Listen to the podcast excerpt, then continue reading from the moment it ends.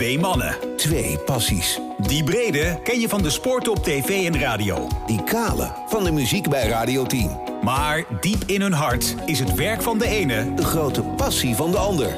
Eén keer per week betreden ze elkaars wereld. Welkom bij Overspel, de podcast. Met Henry Schut En Lex Gaarthuis. Nummer 11. ja, ik ga nu iedere uitzending doen. Vind ik gewoon leuk. Ja, dat is ook makkelijk. Het is ook eh, heel makkelijk. Eh, bijzonder welkom bij deze nieuwe editie van Overspel, de podcast.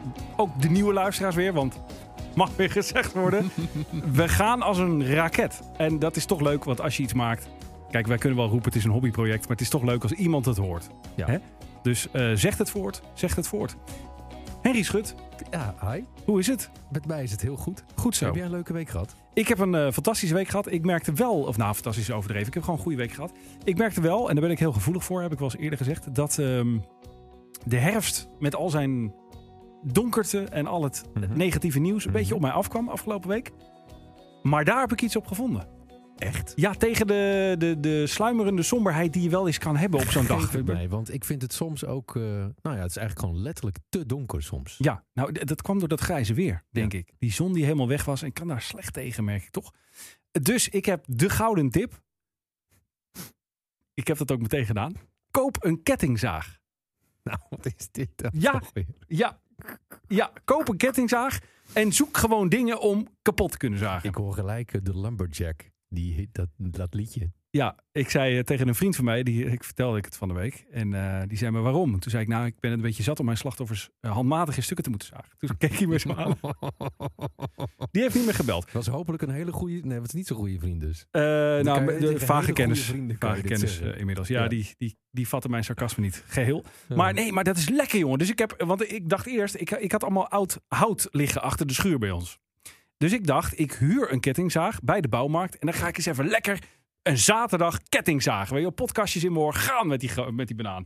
Maar economisch als ik ben, keek ik eventjes naar de huurprijs van een kettingzaag bij de bouwmarkt. Nou, die ligt zo rond de 30 euro. Als je een goede kettingzaag een dagdeel huurt, Voor een dag. voor een, ja, voor een dagdeel. dagdeel. Als je een goede wil hebben, ik wil wel goed materiaal. Je kent me. Eh, en ehm, dus ik dacht, nou, je weet je, ook een grote open haard overigens. Dus je moet absoluut, wel. absoluut, je moet wel. Dus ik dacht, nou, ik ga eens kijken naar wat zo'n ding kost. Nou, dat viel alleszins mee. Dus ik denk, dat heb ik dat in drie, vier keer gebruiken, heb ik dat eruit.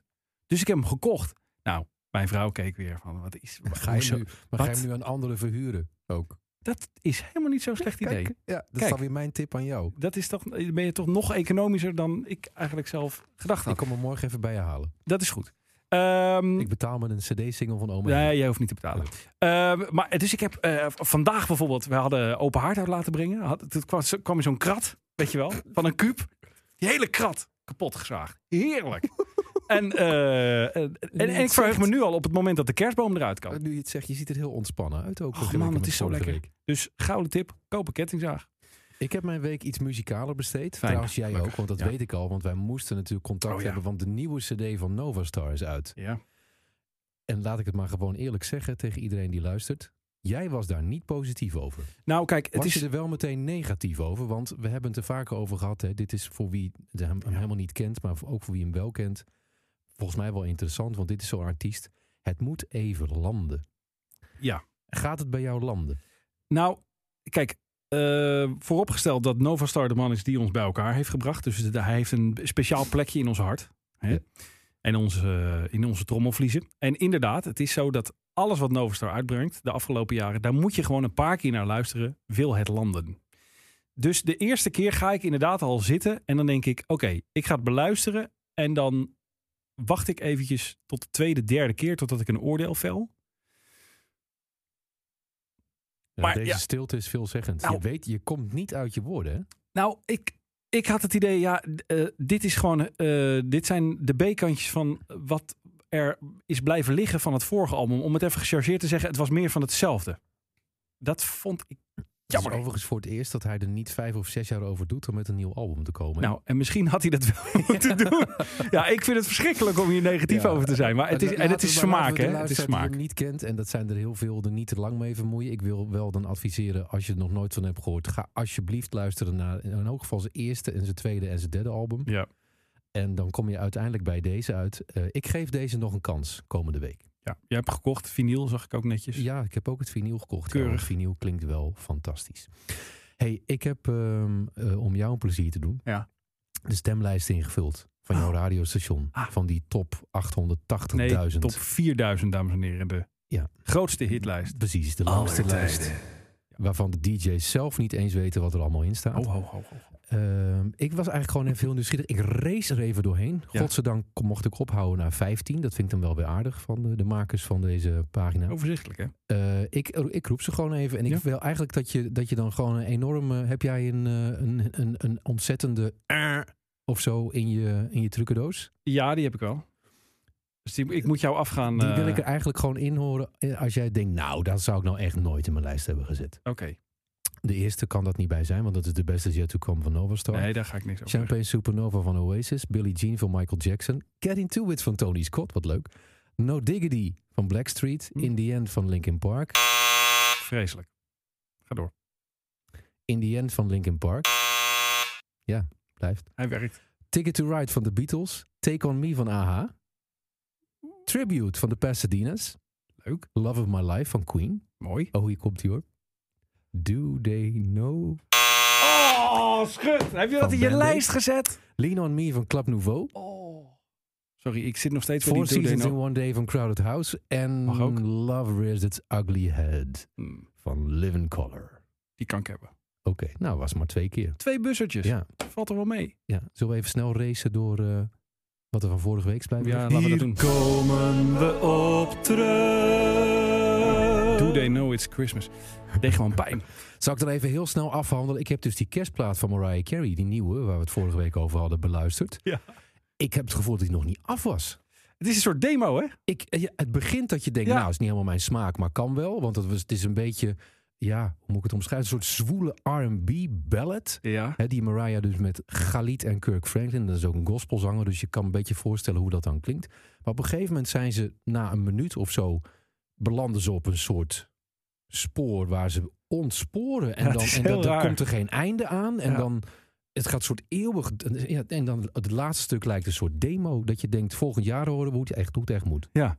Ja, ik... ik, ik ja, ik I couldn't get my head around it. Of zo. Ik- Ik, ja, nou ja. dit is- nee, nee. Fall in Love at Christmas, hoe wie het wil uitproberen.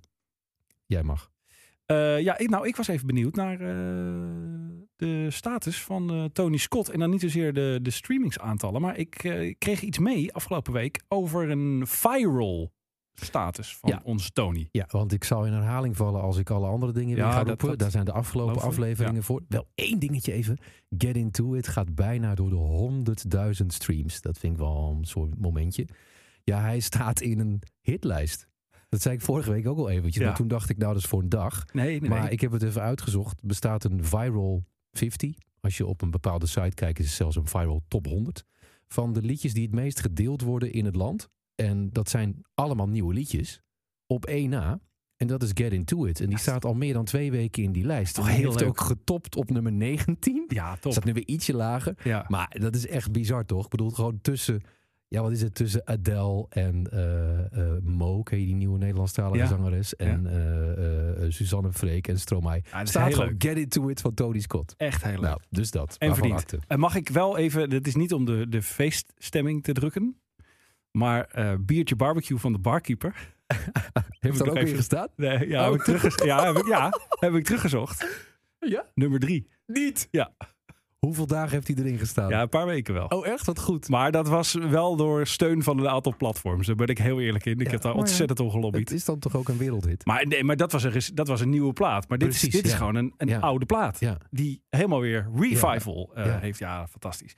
Eh, ook nog even snel terugkomen op mijn onderwerp van vor- vorige week. Mo Iataren. Eh, nou, ik denk dat hij de podcast geluisterd heeft. Want vlak daarna, Hup, Ja, dat was hij. echt hè? Ja. Echt vlak daarna. ja. Wel dat je dacht, weten we nu meer? Nou, eigenlijk niet. Hij is bezig met een personal trainer. En dat was het. Want we hebben een foto gezien, hè? Dat is toch ook Ja. waar jij op doelt? Ja, ja, klopt. Ja, de hele wereld zocht hem. Ja. Er is een foto en we weten inmiddels volgens mij ook dat hij definitief breekt met zijn zaakwaarnemer. Dat wilde hij volgens mij nog wel de wereld insturen.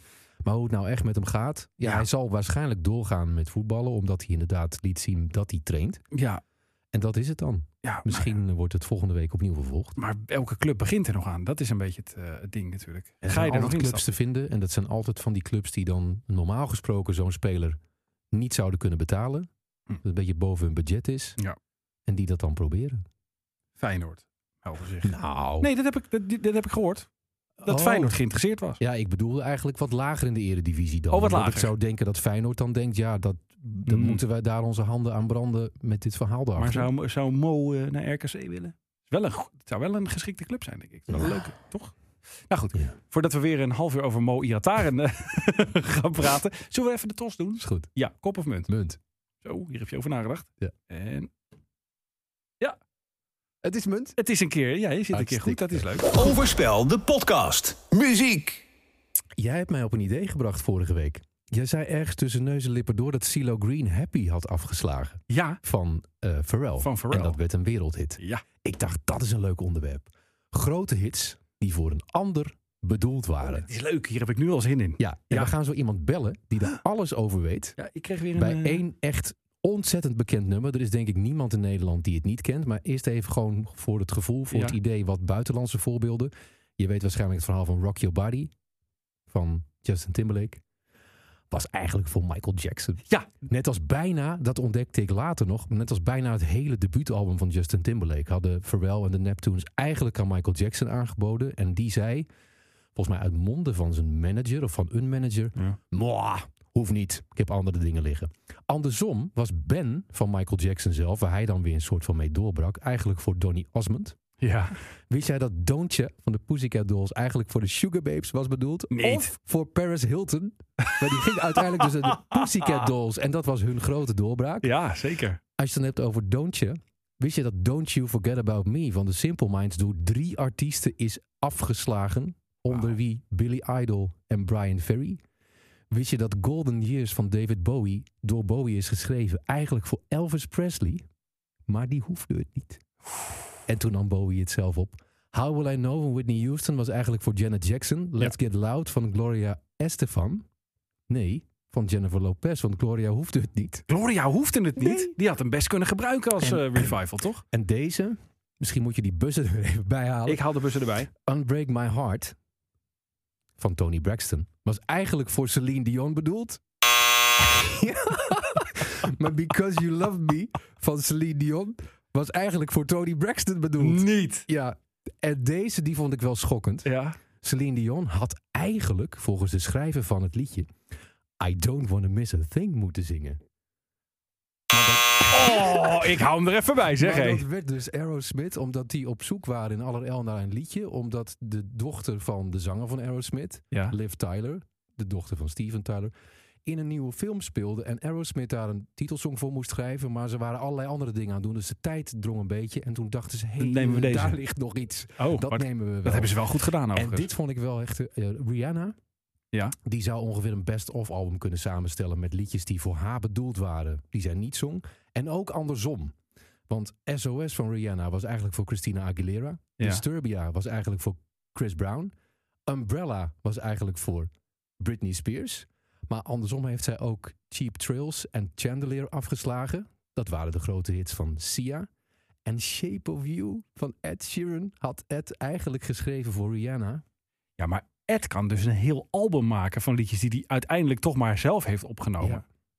Ja, Eh, dit lijkt me wel een pijnlijk hoor, want dit is wereldwijd een van de grootste hits aller tijden. Ja. En die heb je dan net niet gezongen. Ja, dat is wel lullig. In Nederland is er een fantastisch voorbeeld, zullen er heel veel zijn, maar bel je even het nummer dat ik je heb gegeven. Ik heb weer zo'n zo'n verfrommeld Ja. briefje. Het wordt inmiddels een soort traditie binnen deze podcast. Dat jij elke week met een briefje komt waarop een telefoonnummer staat. Ik weet dan niet welke naam erbij hoort. Ik kan me niet voorstellen dat we weer Henk Spaan eh, krijgen. Nee. Dat nummer had ik inmiddels wel herkend. Oh, spannend. Het is helemaal stil. Enigszins onrustig van. Ah. Kijk of ik hem meteen her- kan ik hem meteen herkennen? Hem of haar? Weet ik niet. Als van hebben. Dag Hans. Je zit in de podcast, maar jij weet dat. Lex Gaarthuis weet het niet. Je spreekt met Henry Schut.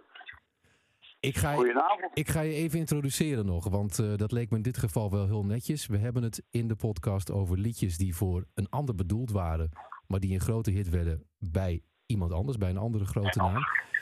En waar ik het over wil hebben is, wij houden van Oranje, van André Hazes. Die was eigenlijk voor een ander. Maar ik zal eerst even vertellen, Lex, want jij kijkt echt met grote ogen. Wie hebben we aan de lijn? Ja, ik, Wij hebben aan de lijn de man die eh, midden jaren 60 ja, eh, al de producer was van de grote hit The Live I Live van de Haagse band Q65. ja. Die de top 10 hit in Amerika van Mountain McNeil, How Do You Do, schreef en produceerde. Die mega internationaal succes had met Luf. En die, ik heb mijn huiswerk goed gedaan eh, Hans, meer dan 100 hits heeft gescoord in de Nederlandse nationale hitparade. Ik noem er even een paar voor het idee. Ja. Hair van Zen. Als het om de liefde gaat van Sandra en Andres. De Elephant Song van Kamal, nummer 1 hit. You're the Greatest Lover en al die andere van Luf. Shine Up van Doris D en de Pins. Als je haar maar goed zit van Vulcano. Meidengroep van Kinderen voor Kinderen. Oh, nou heb je echt me. heel Nou erg leuk om te Ja, ontdekken. ja. Let Your Sunshine van Frank Ashton en Mariska van Kolk. En ook nog het grote puntje puntje lied van Zetou en de Koeg. Weet je nog? Van tada, tada, tada. Ja, ja. Eh, wij zeggen een goedenavond in dit geval tegen Hans van Hemert. Oh, Hans van Hemert. Ik verstond, ik verstond Hans, maar Hans van Hemert. Ja, hallo. Hans zit in het complot, dus dat is fijn. Goedenavond, Hans. Hans mogen we eigenlijk je zeggen, want je, je bent... Ik neem aan eh, Lex en Henry. Yes. Juist, juist, Ja. juist. Ja, wij hebben minder hits op ons naam, maar inmiddels... Nou, we komen aardig in de buurt als we het optellen. Ja, ja. En wat er Als je, zo maar aan genoeg, als je maar genoeg noot op je zang hebt. Zo is Ja, het. Nou, dat is, dat is het probleem niet, eh, Hans, wat dat betreft. Hans, e- even, even de situatieschets over die, ehm, die voetbalhit. Wij houden van Oranje, want het is nu vaste prik dat er ongeveer 30 liedjes per eh, groot toernooi eh, bestaan en, en komen. En de meeste sneuvelen ook en floppen. Hoe is het idee voor Wij houden van Oranje ontstaan? Ik heb in eh, 19, ik geloof 19, was het 74, dat Nederland, nee, eh, nee 78, eh, eh, speelde Nederland in eh, Argentinië. Dan kwamen ze heel ver. Met de bekende trap van Rob Rensenbrink. In, in, geloof ik, ja, precies. Toen heb ik in die tijd heb ik een liedje gemaakt met eh Piet Sauer. En dat heet, eh, dat was, was eigenlijk een verzoek om een tune te schrijven voor, eh, voor het programma. Iedere keer als er overgeschakeld werd naar Argentinië. En dat nummer, dat heet Argentina. Dat werd een enorm succes, omdat in die tijd was het zo, dat ik geloof dat Ruud eh, aankondigde van, nou, we gaan, we gaan lekker spelen in Argentinië en er is een hoop over te doen. Maar mensen houden het lekker gezellig, houden rustig op de bühne, ga geen rotsen trappen. En dan kwam iedere keer kwam dat liedje eh, van, eh, van mij, Argentina, eh, met Conquistador, heb ik dat opgenomen. Dat kwam iedere keer voorbij. En jaren later, toen kwam een, een oude vriend van mij, Joop Oonk, die kwam langs en die zei van, ja, ik was toen nog volop eh, in het, nou, aan het werken, daar nog. Eh, die zegt, Hans, met zijn Haagse accent, Hans, je moet een liedje schrijven joh, voor, eh, voor eh, het Europese kampioenschap voetbal. Ik zeg, 88. hoezo? Ja, en 88. Ik zeg, hoezo joh, heb ik helemaal geen zin in. En hij zegt, ja, nee, maar dat kan echt goed. En dat, eh, ja, we gaan een hoge oog gooien. En doe dat nou maar. En ik heb een sponsor. En dat was, bleek dus later Philips te zijn. In de, bij monden van Eve Kamerbeek. De bekende eh tienkamper. En die zat op de, die, zat op de sponsorpot van, van, van Philips. Nou, en eh, we zijn op een gegeven moment zijn we naar, eh, naar Eindhoven gereden om, om de zaak te bespreken. En we kwamen eruit dat ik dus inderdaad een liedje ging schrijven voor het Europese kampioenschap voetbal. En dat Nou, werd en- Wij houden van Oranje. En dat werd wij, wij houden van Oranje. En ik, was, eh, ik had het nummer al klaar. En het, ik moet je eerlijk zeggen, dat het, het, het nummer klonk al heel aardig als demo. En ik ben toen met een stel vrienden zijn we gaan golfen in Zuid-Spanje. Maar ik was er nog niet uit wie het nou zou moeten gaan zingen. En eh, toen heb ik een soort prijsvraagje, heb een quizje van gemaakt van wie moet het gaan zingen. Nou, Bij die vrienden. Bij die vrienden. ja, ja Oh. er werd ieder, iedere dag gedraaid. En nou, nou de meest, de, de meest eh, prijzenswaardige aanbeveling was eh, Vanessa met Chef van Oekel. Ik zet even de buzzer in, dat is niet even. Vanessa met chef van Oekel. Wauw. ja, nou ja, dat, dat leek me ook inderdaad een geweldig idee. dat leek me alleen voor het voetbalpubliek leek me dat niet zo heel erg geschikt. Nee. En toen, toen, toen, toen zegt Joop op een gegeven moment... joh, laten we het doen met, eh, met Wil. Met Wil, met Willeke. Ja, die ligt eh, goed bij de voetballers en noem maar op. Ja. Oké, dus ik heb, eh, ik heb die demo aan Willeke laten horen. Willeke kende ik al heel lang. Ik heb ook een paar plaatjes met eh Willeke gemaakt in het verleden. En zij heeft uh, ja. hoofdrol, hoofdrol gespeeld in de, in de serie van mijn vader, De Kleine Waarheid. Van En, eh, ja. ja.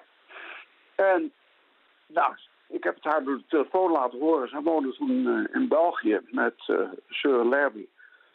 Ik heb het haar door de telefoon laten horen. Ze het helemaal te gek. Ik zei, ja, lieve schat, maar het is wel heel erg kort dag. Dus het kan zijn dat ik je midden in de nacht desnoods bel... om te zeggen dat je moet komen inzingen. Ja, dat was geen probleem.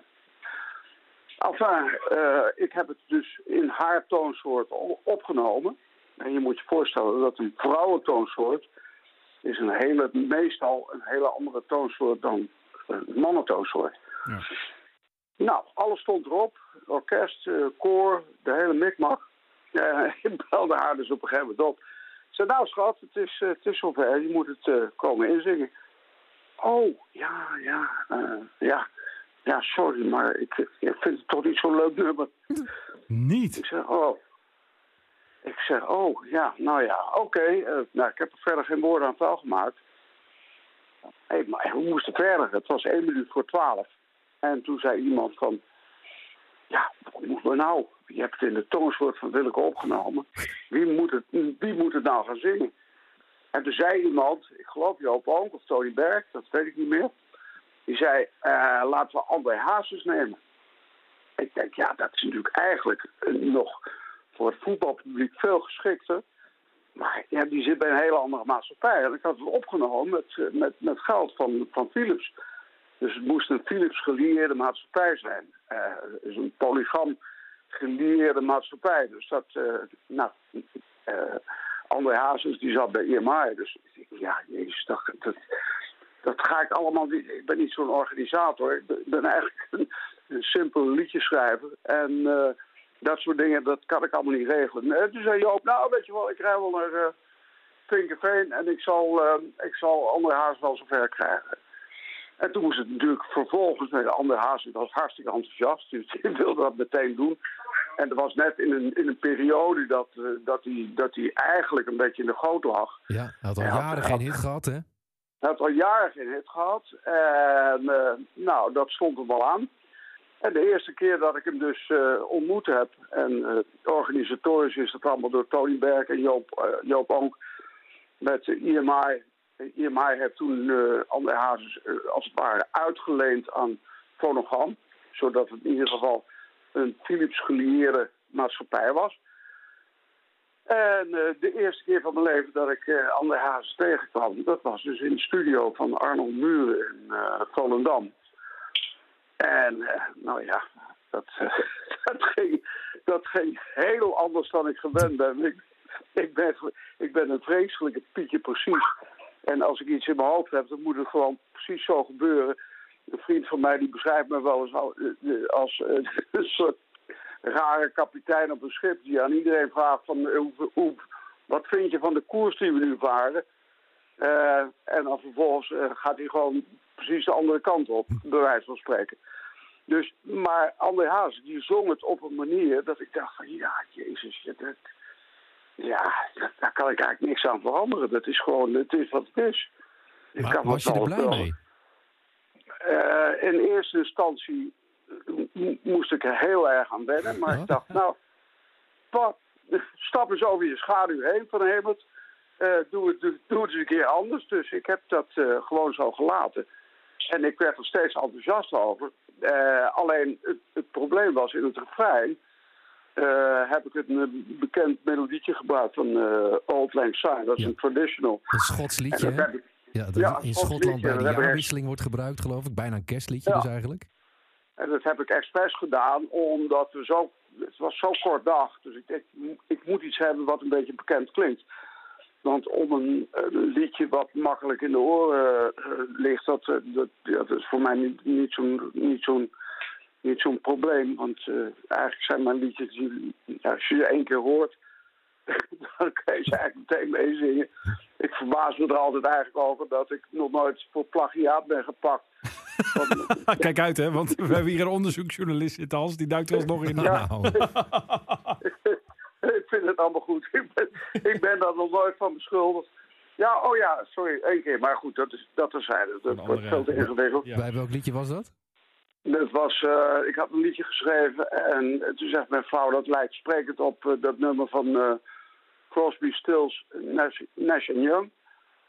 Want ik schrijf ook wel eens een keer wat anders dan, dan liedjes voor, voor, voor Luf of voor Ja. André Hazes of voor uh, Martin McNeil.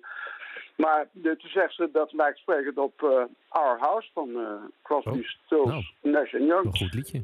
En toen heb ik dat liedje beluisterd. Ik dacht, nou, dat is- ongelooflijk. Het is gewoon hetzelfde. Bizar, Maar, Hans, even nog even over, over dit. Want ehm, ik had dat wel eens gelezen over Willeke Alberti. En daar stond toen een heel specifieke reden bij. Namelijk dat omdat zij met Søren Lerby was, een Deense voetballer. En dat dat dus eigenlijk ehm, niet goed viel. Omdat Denemarken natuurlijk eh, eh, ook in het spel was op dat moment. Wilden ze daarom dit liedje niet voor Nederland zingen. Is dat waar Ja, of is dat een verzonnen reden? nou, dat, is, eh, dat zou heel goed waar kunnen zijn. Alleen het bewijs daarvan heb ik helemaal niet. Dit is Dat een gezegd dus. aanname. Nee, het Nee. is een aanname van ons. want ik vond het wel heel, heel vreemd. Kijk, in die tijd dus dat, dat ik haar vroeg en dat, ik, eh, dat, ze, dat ze ja zei en dat ze heel enthousiast was, toen was het zo dat. Ik heb een heel slecht geheugen. Maar ik weet nog heel goed dat eh Søren Lerby toen met PSV in Bordeaux speelde tegen Bordeaux. Dus Willeke, had een vrije avond en die kon gewoon beslissen waar ze zin in had.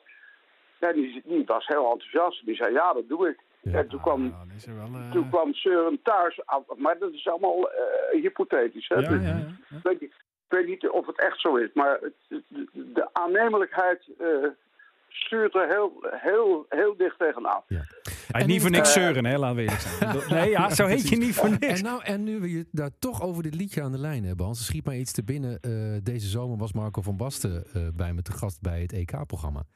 En op een bepaald moment hebben we hem, eh, nou, ik mag wel zeggen, geconfronteerd met zijn eigen zangcarrière. Eh, ik weet niet of je daar ook nog iets mee te maken hebt gehad. Ik geloof dat in 1990, toen hij in Italië speelde, heeft hij een plaatje opgenomen samen met Frank Rijkaard. Hij vond het zelf ook verschrikkelijk. Hij kon zich ook Ja. niet meer goed herinneren dat hij het had ingezongen, maar het was daadwerkelijk zijn stem. Dat was goed te horen. En toen heb ik hem, ik dacht, nu we je toch over muziek spreken, heb ik hem gevraagd ehm, of zij nou daadwerkelijk met het Nederlands elftal destijds ook hebben meegezongen op Bij Houden van Oranje. Want de single vermeldt André Hazes en het Nederlands elftal. En ze hebben ook samen nog opgetreden.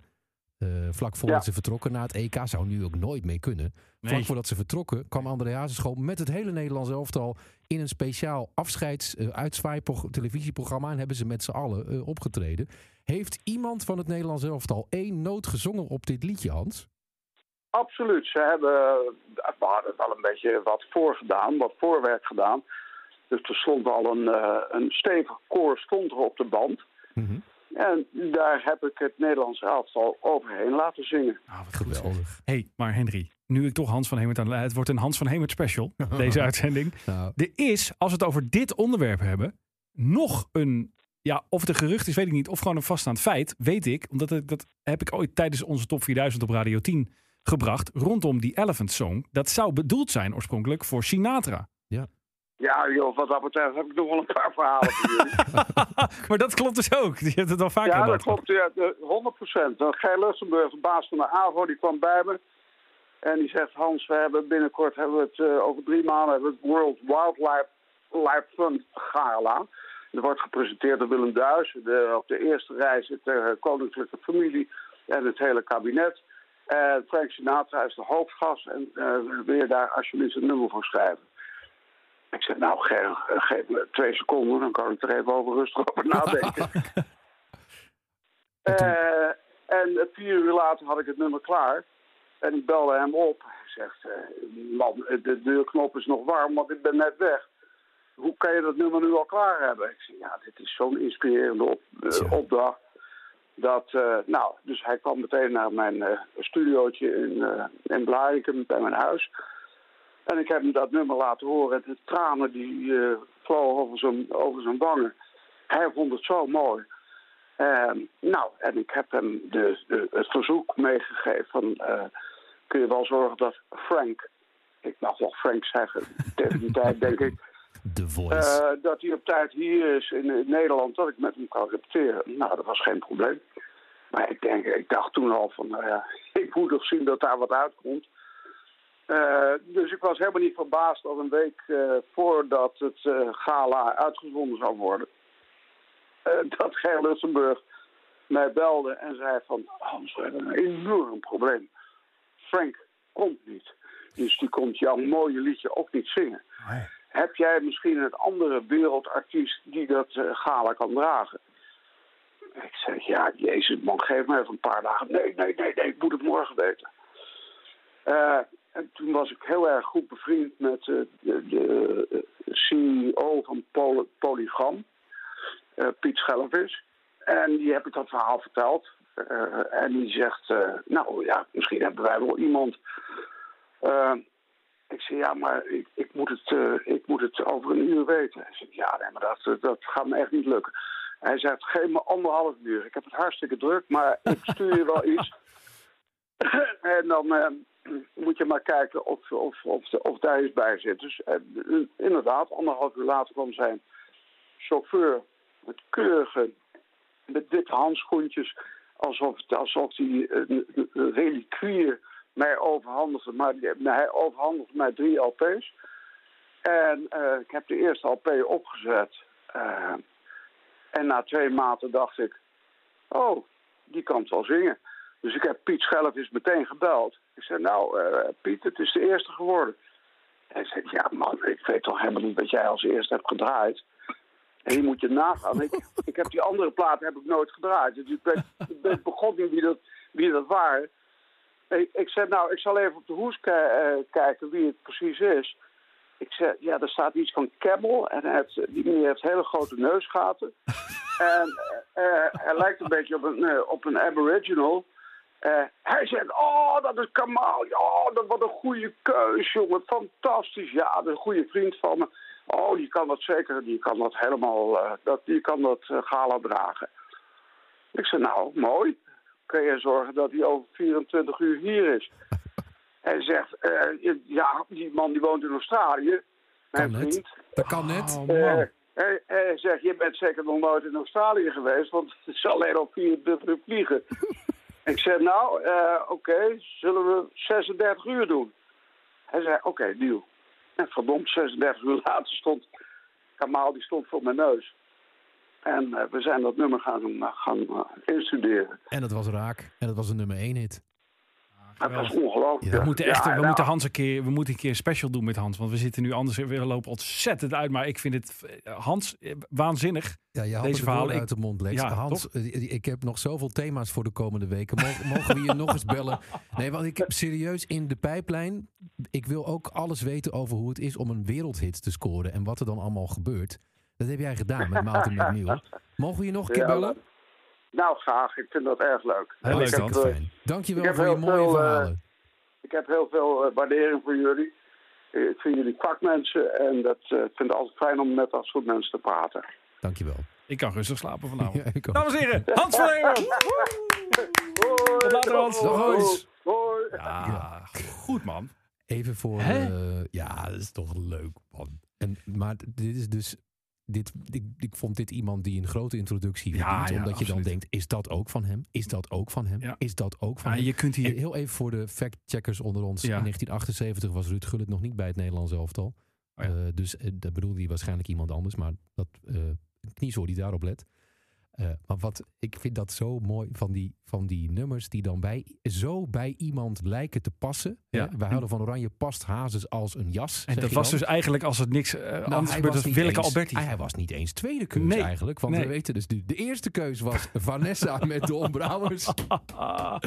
Is toch fantastisch? Ja, ja ik wilde deze podcast ook doen met Tom Egbers. Hey, um, Ja, ik, maar dat vind ik helemaal geen enkel nee, probleem. dat- maar dat geeft ook niet. Het was Nee. nooit zo goed geworden. Nou, dank. Het vlaaflipje. Overspel, de podcast. Sport. Hey Tom, als je luistert. We houden van je. Eh, ja, het is mijn beurt. Ik heb geen telefoonnummer, maar dat kan na Hans ook helemaal niet meer. Want mensen die, eh, die haken anders af. Die denken, ik heb er nog meer te doen. Moeten was nog vouwen, dat soort dingen. Nou, maar wees eerlijk. Dit Ja. waren fantastisch. Nee, dit was fantastisch, maar eh, nou goed.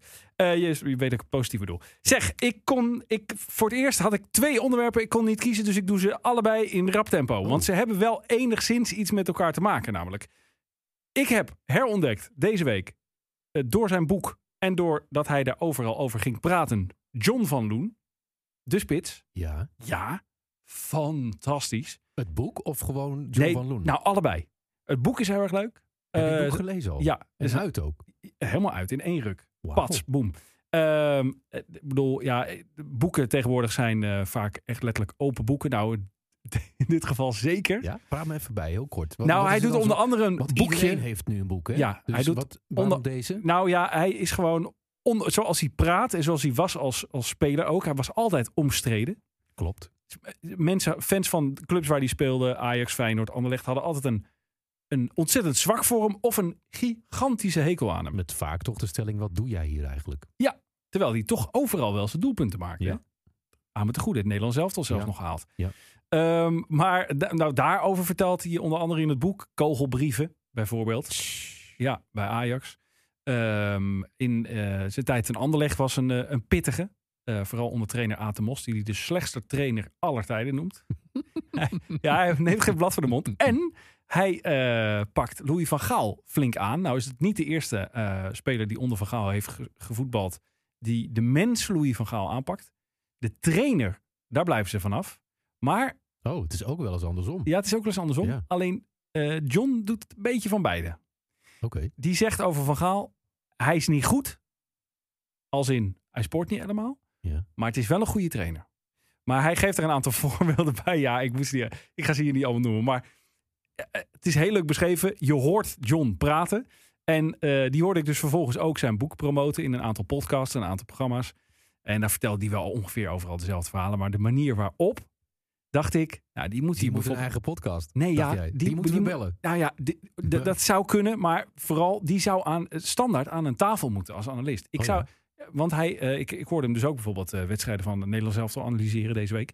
En het is heel verfrissend, het is rauw, het is, er zit humor in en het is gebaseerd op. Steek je er op ook kennis. qua voetbal iets van op? Ja, zeker. Ja, ja dus Ja, niet alleen maar boeiend en interessant als spreker. Nee, het is inhoudelijk en vermakelijk. Hm. Nou, en daar ken ik er niet heel veel van die dat eh, op die manier doen. En eh, dus ik, ik zou hem bijna voor willen dragen voor Studio Voetbal. Ja, ik zal het doorgeven. Ja, doet het eens. Eh, en Doe dat eens voor de verandering. Tom, Tom Egberts had het al gedaan. Ja, klopt. Maar en via John Verloen en Louis van Gaal kwam ik op het Nederlands elftal. Daar moeten we toch even over hebben. Wij houden van Oranje. Ik heb hem toevallig deze Ja, week joh. nog gedraaid. Want ja, eh, bedoel, eh, we gaan naar Qatar. Vraag niet hoe, want wat was het een week? Hè? Met alle... Ik, ik had er een hard hoofd in, eerlijk gezegd. Ik had zo'n rotavond gisteravond. Wij, wij keken met bijna het hele gezin. Oh ja. En we hebben meerdere malen tegen elkaar gezegd... waar zitten we eigenlijk onze avond aan te verdoen? Want Nou, we ik- kijken naar een wedstrijd die helemaal Het is geen voetbalwedstrijd Nee, het was verschrikkelijk. Er is- er zat geen publiek bij, ook Nee, nog. Dus de sfeer was maar dat niet. is vooral, hè, want eh, voordat je denkt, eh, dit gaat over het, exact over het spel van Oranje. Ik begreep heel goed dat dit spel zo was als het was. Want Ja. ik voelde ook, oh jee, dit is voor een aantal jongens, vergis je niet hè, voor een aantal jongens die het WK nog nooit gespeeld hebben, zelfs de laatste kans Ja. om het WK in hun carrière te spelen. Virgil van Dijk is daar een voorbeeld van. Wie Ja. zegt dat hij er over vijf jaar bij is en wie zegt dat we ons dan zouden plaatsen? Dus die spanning, ook al ontkenden ze dat achteraf, die was dodelijk. Maar die voelde je gewoon op de bank. Ook door de hele sfeer Ja. eromheen. Het was echt Alles wat er was gebeurd, ook keeper geblesseerd, eh, de Vrij geblesseerd, Van Gaal geblesseerd. in zijn golfkarretje de training gedaan. Ja, Dat stadion leeg en dat je ook, dat voelde ook dat je denkt, maar dat kan toch niet op het allerlaatste moment. En sommige mensen vinden dan dat je overdrijft, maar dat is echt een belangrijke factor. Daarom Zo. is een thuiswedstrijd een voordeel ten opzichte van een uitwedstrijd. ik hoorde Frank Snoek zeggen, de angst zat in de schoenen. Och ja, Nou, dat Maar was zat het. overal in. En dat En- was ook bij Noorwegen zo. Ja, dus dan- het was een ja, nee, dat verschrikkelijke scheelde, wedstrijd wat dat betreft. Maar die hadden natuurlijk gewoon een geheel eigen tactiek bedacht. En die werkte tot de 83ste minuut. Alleen zij maakte er geen. Ja, maar wat, wat, wat was die tactiek dan, als we even gaan analyseren? Zo van, we Eh, moeten winnen, maar we doen net alsof... ongeluk één maken. Ja, dat. We Ja. moeten winnen, maar we doen net alsof dat niet hoeft. Dat, dat had ik een beetje bij Noorwegen. Ja, dat kan je achteraf gezien kan je dat wel zeggen. Want ze hebben ook inderdaad geen kans gehad. Maar je voelde toch, ook al hadden, ook al hadden die Noorden geen kans. Je voelde de, letterlijk geen, nog geen kans gehad. Je voelde de hele tijd. Ja, het kan hij wel... komt er zo aan. Ja, het, oh Hij jee, daar gaan zo. we. Ja. Precies, en dan Ja. zijn we weg. Ja. En ook dat hele scenario dat je staat eerste en je kan in, een, in één doelpunt ineens derde staan. Omdat op het andere veld natuurlijk precies het scenario zich voltrok. Turkije, die eh, ging Nederland goed. derde te laten Ja, worden. ja. Nou ja, het is gelukkig gelukt. Maar eh, nu volgt een eh, omstreden stelling die ik in wil nemen. En dat had ik... Eigenlijk is dat bij mij gekomen na het interview van de NOS. Volgens mij was dat Jeroen Stekelenburg. Waarin Van Gaal emotioneel werd. Ja, de dag En van tevoren heb je het nu over. Ja, Ja. dat zal te maken hebben met de medicatie die hij had tegen de pijn. Mm, Ja, Kan bijna niet kan. anders. Ja. Want die had echt veel pijn. Ja. Ehm, maar mijn stelling is: Van Gaal moet nu afscheid nemen bij het Nederlands elftal. Oh, En op zijn hoogtepunt stoppen. en wie dan? En Ronald Koeman moet weer Oh, terug voor die ja. groep. Want, en dat Ja, heeft niet zozeer dat- met Ronald Koeman te maken, maar alles met Van Gaal. Want, en met de, echt met de hakken over de sloot, meer geluk dan wijsheid, heeft hij dit eh, team eh, het laatste deel door die, door die, hè, door die, door die eh, pool eh, geleid. Jij vergeet nu wel even voor het gemak de 6-1 Ja, overwinning op Turkije. weet Ik ik. ga die wedstrijd nog eens kijken. Die was van begin tot eind fantastisch. Maar je hebt de Turken toen ook gezien in die wedstrijd, of niet? Jawel, maar als hij erin slaagt om Oranje dat spel te laten spelen op het WK. Ja. En laten we eerlijk zijn, zo'n toernooi is altijd de vorm van het moment. Hè, sommige landen bakken er helemaal niks van. Zeker. En je moet daar ook geluk sommige hebben. landen En- komen er lekker in of komen Ja. in een soort flow. Als hij dat voor elkaar krijgt, en dan Juist. is Van Gaal toch juist iemand die je daar wel voor moet hebben. Zeker. Dan, Dat was Van Gaal in mijn oogpunt. Maar, maar ik dus, zie... tot voor, dus tot voor kort en over een jaar niet meer. In jouw ogen. Nee, ik, hij heeft de fysieke en de mentale power. Die, zoals hij altijd ongedwongen kon uitstralen op die groep. Het had iets.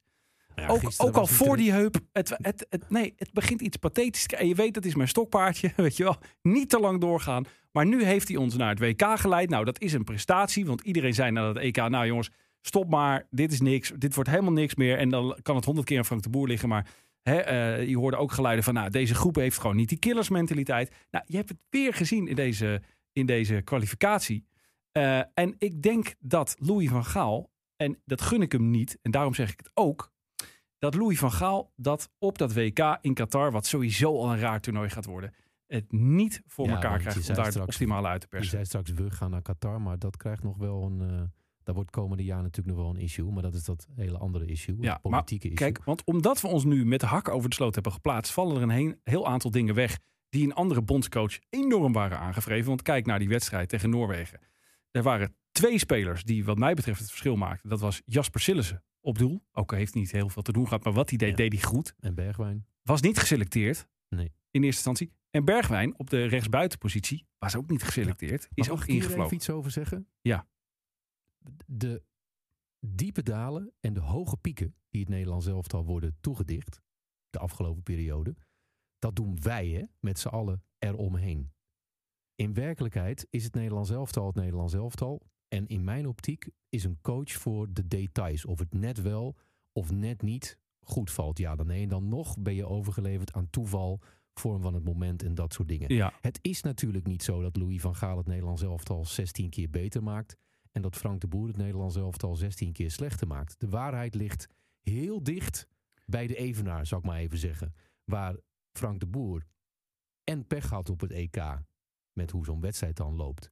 En inderdaad misschien niet helemaal de finesse heeft om bepaalde dingen te eh, op de goede manier Ah, te communi- te communicatief heel zwak. ook Nou, vooral. Dat is eh, Toch? een van de dingen, denk ik. Daar kan Van Gaal net wel in de plus werken. Maar je moet dat ook allemaal niet overdrijven. hè. Het blijven dezelfde spelers. En Juist. het blijft ook gewoon voetbal. En je ziet dan dus dat Noorwegen en Montenegro het het Nederlands elftal heel lastig kunnen maken. Maar dat het Nederlands elftal op zijn beurt van iedereen in principe kan winnen. Op een goede dag. Ja, Ja. maar wat daarbij komt, en dat is denk ik heel belangrijk. En dat miste ik nu bij de huidige Van Gaal. Ik denk dat de huidige Van Gaal eh, is zoals, eh, vergeven de vergelijking, Petrovic bij Willem II was vorig seizoen. Kort schokeffect, eh, eh, andere aanpak, daarom- indruk maken op die jongens. kan hij toch juist de perfecte man zijn. Want zo'n kort schokeffect moet hij over een jaar nog één keer bewerkstelligen. Nee, want hij moet nu, vanaf nu gaat hij, en dat heeft hij ook al op gehind, ik ga toch naar dat 5-3-2 systeem. En ik, eh, wil ik het niet over systemen gaan hebben, maar ik wil toch Nou, hij mijn- dat hij dat liet afhangen van allerlei factoren. Ja, maar, nou, maar in ieder geval, hij gaat nu een jaar lang gaat hij met die gasten werken en gaat hij iets bouwen. Dit was meer Nou, ad ja. hoc, oké, eh, vorm van het moment. En daar heeft hij natuurlijk ook op het WK mee te maken. Maar hij gaat nu zijn proces in, zoals hij dat dan zelf noemt. En ik denk dat hij daar niet meer de geschikte trainer voor is. En je mag mij hierop afrekenen. Het is heel makkelijk, maar je mag me hierop afrekenen. Op, in welke aflevering? Nou ja, als we Qatar hebben gehad. Maar- aflevering Nee, 64, maar dames ik, ik heb ontzettend veel respect voor de trainer Louis Vergaal. Maar daarom juist zeg ik van... Louis, je hebt nu gepiekt. Stoppen. Bespaar je de afgang. Want ten eerste zijn we niet zo goed als we denken. Daar hebben wij in Nederland wel vaker last van. Maar dat hebben ze, Ja, daar maar heeft dit elftal... we, dat zijn weer alle mensen eromheen, hè, met name. Ja, ja, zeker. Ja. Zeker, Laat zeker. dat duidelijk zijn. Zeker. Zoals jij en ik en die andere eh, zoveel miljoen bondscoaches Juist. dan ineens vinden. En Dat is belangrijk. De, de tweede denk ik dus dat hij met zijn leeftijd en zijn gestel... eh, niet meer de man is die deze generatiespelers... over zo'n langere periode richting zo'n WK en op zo'n WK... nog tot grote hoogte kan stuwen. En ik denk dat Koeman, natuurlijk, die is zelf weggegaan... maar die had dat wel. En die klik met die spelers en dat communicatieve. En er zat iemand nog. En nu had ik toch bij Vergaal, dacht ik... "Ih, Je punt is duidelijk. Wij komen hier in aflevering 64, als ik goed heb doorgerekend, op terug. Het zou kunnen dat we ergens gaandeweg een keer een pauze nemen en dan aan een tweede seizoen beginnen. En dan zal het ongeveer aflevering 34 zijn. Ja, maar we komen erop terug. Goed, mooi. Nou, hé, ik ben helemaal leeg. Maar we moeten de vluggetjes nog even doen. Even... Overspel de podcast. Vlug? Presenteert De Die Vluggertjes. zijn wel eens te lang namelijk. Houd vast dit. Houd dit vast. Eh, de vluggetjes. Tom Dumoulin, die verbaasde zondag met zijn prestatie bij een hardloopwedstrijd over 10 kilometer in Maastricht. Eh, hij is zeker niet de enige wielrenner die zich aan het hardlopen waagt. Roglic doet het elke dag. Het is een rage, dat hardlopen. Maar ja, maar Tom die liep dus gewoon even een tijd. Ik weet niet, ben jij een hardloper? Nee hè? Nee. Ehm, als tweede eindigde hij bij de groene loperrun in Maastricht. Tijd van 32 minuten 38 seconden over 10 kilometer. Ja, dat is best wel goed. Dat is echt wel Dat goed is hoor. best wel goed, ja. Dat is echt wel Ja. netjes. Hey, maar het is serieus een rage. Hè? Heb je vorig jaar meegekregen wat het geheim was van de nieuwe wereldrecordhouder op de 10 kilometer schaatsen? De Zweed Niels van der Poel. Ja, Lopen, Lopen. lopen, lopen. Ja. En je hoort nu al uit schaatsland dat heel veel andere schaatsers, met name de, lange, de, de, de mannen van de lange afstanden, Ja. heel veel lopen. Dus dit is gewoon het nieuwe, nieuwe heilige graal in sport. Maar de grap was dat zijn eh, begeleider, zijn trainer bij Jumbo-Visma, die wist helemaal niet dat hij dit ging doen. En dat vond ik wel opvallend. Ja, Toch? ja nee, dat is zeker. Ja. Maar dat Ik is ook weer Tom Dumoulin. maar Want dat vind ik wel een mooie ontwikkeling. Dat sporters, ik weet niet of het helemaal zo is, maar het lijkt erop dat sporters steeds meer toch hun eigen weg kiezen. Luisteren naar zichzelf, wat ze leuk vinden en waarvan zij denken dat ze nog beter worden. Of Ja. een bepaalde nieuwe prikkel zoeken.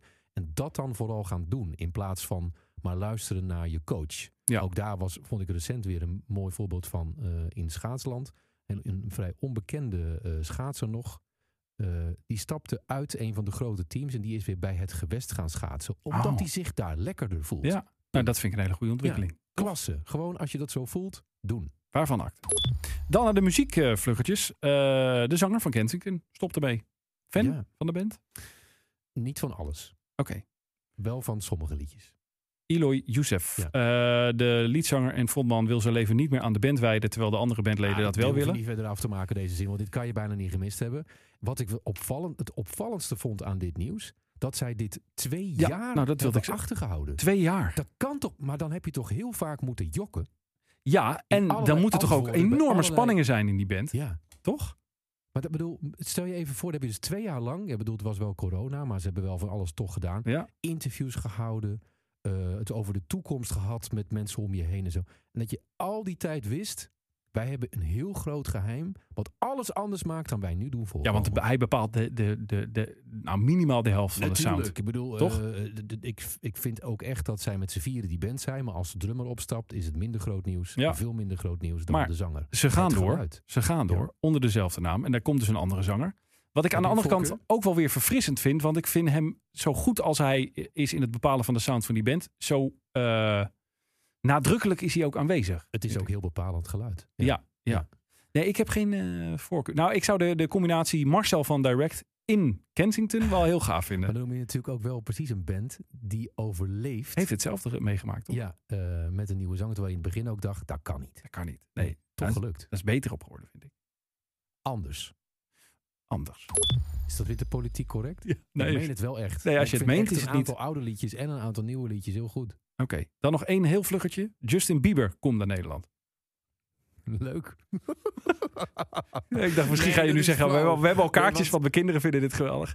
Nee, niet per se. Maar ik wil dan wel. Ik, ik vond dat album waar. Dat is alweer een aantal jaren geleden. Waar eh, What Do You Mean? En Ja. Sorry and Love Yourself van Ed Sheeran. Ja, Ja, die daar ook zelf op meezong. Ja. Want dan wist hij zeker dat het te groot is. Dat vond ik echt een heel goed album. Dus Ja. ik. eh, laatste album minder ik hoor denk ik. niet dat ik gelijk. eh, nou, en die. Weet je wat ik eigenlijk vind van Justin Bieber? Want die is even voor de eh, helderheid. Ik heb dat niet gecheckt. Maar die schrijft zijn liedjes in principe niet zelf. Hè? Vaak niet. Nee, dus er zitten muzikanten omheen. Ja. En ook hele goede producers. Ja. Hij heeft natuurlijk nu ook weer de hit van het jaar. Met eh eh de Killer Roy. Ja. Stay. Ja. Hartstikke goed liedje. In het begin dacht ik, wat is het? En nu denk ik, echt, echt goed liedje. Mhm. Hij is eigenlijk een beetje de Madonna van nu. Zo, dit is even een statement. Dus weet je, dat is gewoon, die zit in de goede flow. Eh, die krijgt altijd de goede mensen om zich heen. In principe kan hij wel wat, maar het is niet de beste zanger Nee, dat- ever. oh en de ja, beste muzikant ever. Eh, goed voorkomen. eh, En hij vindt zichzelf opnieuw uit. Qua... En vindt zichzelf dus elke keer opnieuw Ja. uit. En, en zoals Madonna dat eigenlijk ook heeft gedaan. Die kan zelf de platen niet schrijven volgens mij. Want Nee. als ze al op de credit staat, dan was dat voor het idee. Ja. Volgens mij niet zelf. Nee. En dat geldt voor hem, dacht ik ook. Maar als iemand het er niet mee eens is, laat het vooral weten. En eh, dus het is eigenlijk een soort pop-icoon dat overleeft. Maar het is eigenlijk meer een merk dan dat nou, dat een- is het. Ja, ik vind het eh, helemaal geen eh, gekke Ja. vergelijking. Zeg, voordat het weer te lang wordt, schakelen wij naar... Spotify of Spotify! En is het jouw beurt om mij te overtuigen met een liedje uit jouw platenkast dat eventueel een plek verdient op onze playlist. Ik ben echt heel nieuwsgierig, want ik weet serieus niet wat jij van deze band slash zanger Oh, daar ben ik heel dit benieuwd. genre, want eigenlijk is dit een band slash zanger die zijn geheel eigen genre heeft. En als je het dan had, je had net over de zanger van Kensington, bepaalt een geluid. Ja. Dit is ook één geluid. Als je de liedjes van deze Britse formatie, noem ik het allemaal even, Formatie Hoort. hoort. Ja. dan je weet meteen dat het deze Britse formatie is. En ik was ook blij dat ik een keer iets uit de kast haalde waarvan ik dacht, kwaliteit. Wat fijn dat ik ook kwaliteit in mijn cd's Oh jee, nou, nou, ga je, nou ga je natuurlijk een spotlight op mij Het, zetten, want ehm, ja, dat klopt. ik hou de buzzer bij de hand. Ja, het, eh, eh, de pimpampet zei de J. En ik trok uit de kast. Henk Westbroek zou zeggen... Jamiroquai. Jij kan dat beter nadoen. Jamiroquai. Met Virtual Insanity. Oh, je kijkt heel bedroefd. Nee, kijk ik bedroefd. Nee, Ja. kijk weifelend. Ik, ik weet namelijk nooit zo goed wat ik van deze band vind. Ja, daar was ik al bang voor. De, het, het, eh, Ja, hij, ma ja hij mag er wel op. Omdat ik, ik heb ze een keer live gezien, dacht ik, bij Harlem Jazz. Was dat? Nou, dat is altijd goed. Lekker met een wijntje, lekker een beetje moeilijk kijken. En dan lange solo's aanhoren. En daar midden, tussen al die, eh, kijk ons eens even zo leren jazzmuzikanten, kwam Jamiroquai. En eh, daar werd ik toen wel heel blij van. En ik moet je ook zeggen dat deze muziek zo af en toe per jaar eens oppopt in een lijstje. En ik dan denk, hé ja, lekker. Dus dat. Dat, dat, ik dat heb is ze een het. keer in een echt vol, volwaardig concert gezien. Geweldig. Ja? Wat een show. Elk liedje was een soort live videoclip die zich Ja, voor nou, je neus... Ja, dat kon, kan ik me nog herinneren van, eh, van dat optreden ook. Ja, Nou, dat precies. echt heel goed. Het was ook echt een mega, mega scherm. Volgens mij was dit 16 jaar geleden of zo. Dat die, dus het was nog niet gewoon dat iedereen met grote toeters en bellen en grote scherm. Maar dit, nou, ik vind het zo jammer dat, dat ik daar nooit een DVD-box van heb. Maar, en dan had trouwens ook nooit datzelfde gevoel kunnen, Nee, nee, nee. kunnen, niet, eh, oproepen. Nabootsen. nee. Dus hij mag erop. Ja, Jamiroquai. Virtual Insanity. Op de playlist. Dat is onze tip. En koop die kettingzaag, mensen. Nou, dat was hem wel, hè? Zijn we rond, denk ik. Tot volgende week. Dit was Overspel, de podcast. Abonneer je gratis en vergeet niet je recensie achter te laten op jouw favoriete podcastplatform. Meer Overspel met Henry en Lex. Volg de mannen op instagram.com slash overspel de podcast.